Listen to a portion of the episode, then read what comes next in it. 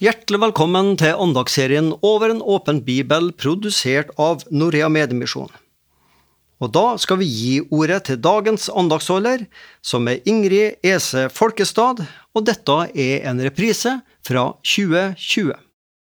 En dag for ikke så altfor lenge siden skjedde det noe dramatisk i livet mitt som snudde alt opp ned. I en alder av 45 år ble jeg det som på godt kristennorsk heter frelst. Dette kom nok ikke bare som et sjokk på meg.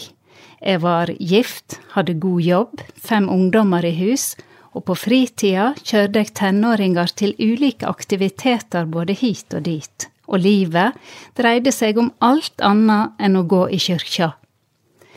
Denne veka skal jeg fortelle om historia mi og hva Gud har gjort i livet mitt. Men før jeg forteller mer om denne helt spesielle frelsesdagen, så starter historia lenger tilbake. Til den gangen da jeg var 16 år og drog fra heimbygda mi for å starte på voksenlivet, godt utenfor rekkevidda av foreldra mine. Jeg hadde ei eldre søster som ble kristen på den tida da jeg drog. Vi bodde på hver vår kant av landet, og siden det var dyrt å ringe med telefon på den tida, så var det brevkorrespondanse som gjaldt. Gjennom hele 80- og 90-tallet mottok jeg lange, håndskrevne brev fra den nykristne søstera mi.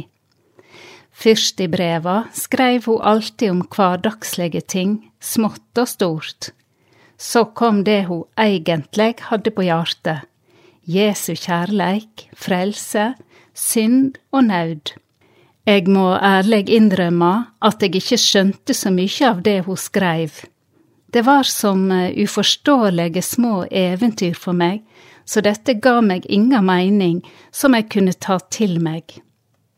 I breva hadde hun også lagt ved slike små, blanke og søte glansbildetraktater med bilder av Jesus, kors og fine englemotiv, og med ulike vers henta fra Bibelen.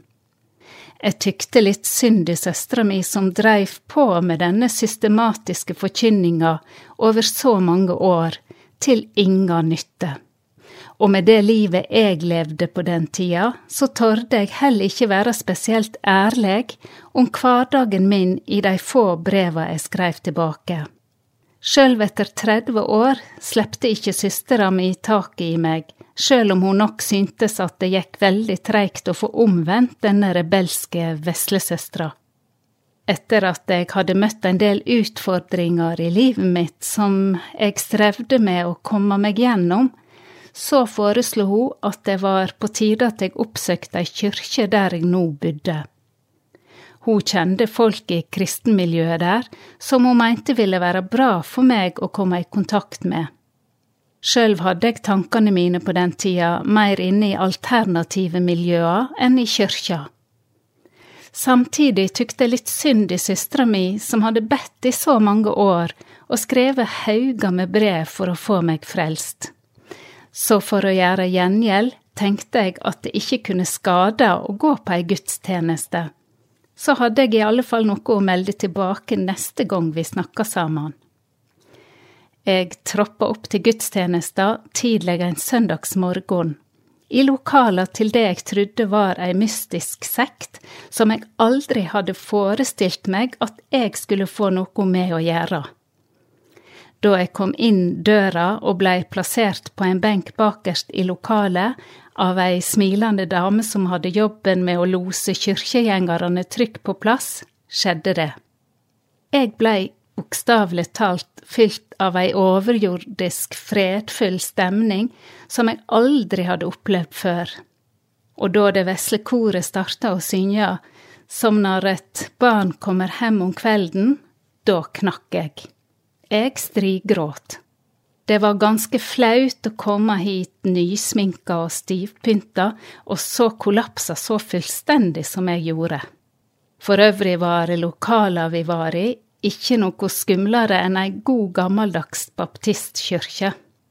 Og mens englekoret fortsatte å synge, blanda tårene mine seg med sminke som rann i strie straumer nedover den hvite, fine blusen, som ikke lenger var så fin.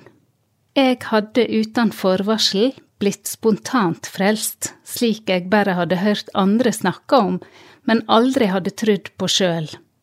Jeg fikk ei overnaturlig oppleving som ikke kan forklares på annen måte enn at det var noe mektig som rørte meg djupt på innsida, i hjertet mitt, og som har fulgt meg siden.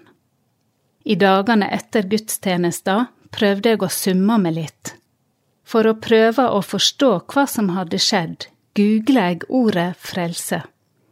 I teksten jeg fant på nettet, sto det Frelse er i kristen forstand Guds redning av mennesker fra synd og død til evig liv, et tilvære i en ny dimensjon. Det var akkurat dette jeg kjente hadde skjedd med meg. Jeg hadde fått en slags invitasjon til et nytt liv, der en ny dimensjon og ei mektig kraft hadde åpna seg for meg, ei kraft som jeg bare kjente at jeg ville verta mer kjent med. Dette høres kanskje litt skummelt ut, men for meg der og da så kjendes alt helt naturlig ut. Og dette blei starten på mitt liv som kristen i godt voksen alder. Jeg hadde aldri sett for meg at det var dette som skulle skje med meg. I dag veit jeg at det ikke alltid er så godt å vite hva Guds plan egentlig er, og at det kan ta tid før ting kommer på plass men jeg er trygg på at det er en plan og en plass for oss alle. Storesøstera mi gav meg ikke opp, sjøl etter 30 år, og jeg er sikker på at det var Gud som ga henne både kraft og viljestyrke nok til å stå i det så lenge. Be, så skal du få, står det i Bibelen, i Matteus 7, 7. Det var det søstera mi gjorde for meg. Hun ba, og hun stolte på at det var svar i vente. Hun stolte på Gud. Så du som ber for dine kjære, ikke gi opp. De lurer kanskje på hvordan storesøstera mi reagerte da jeg ringte henne den dagen etter gudstjenesta og skulle fortelle hva som hadde skjedd med meg, rebellen. Jeg venta meg vel litt jubel og kanskje et aldri så lite halleluja, men det som kom fra andre enden av telefonen, var først et stort sukk, og så et tørt det var på tide. I morgen så skal jeg fortelle mer om den første tida mi som kristen. Nå avslutter jeg med ei velsigning. Herren være framføre deg for å vise deg den rette vegen. Herren være ved sida av deg for å late deg inn i armene sine og verne deg. Herren være bak deg for å verne deg mot menneskets ondskap. Herren være under deg for å fange deg opp når du faller og redde deg ut av snarene. Herren være i deg for å trøyste deg når du har det vondt. Herren være over deg for å velsigne deg. Da har du akkurat hørt en andakt i serien Over en åpen bibel. Og det var Ingrid Ese Folkestad som var dagens andagsholder. Denne serien produseres av Norea Medmisjon, og les gjerne mer om oss på norea.no.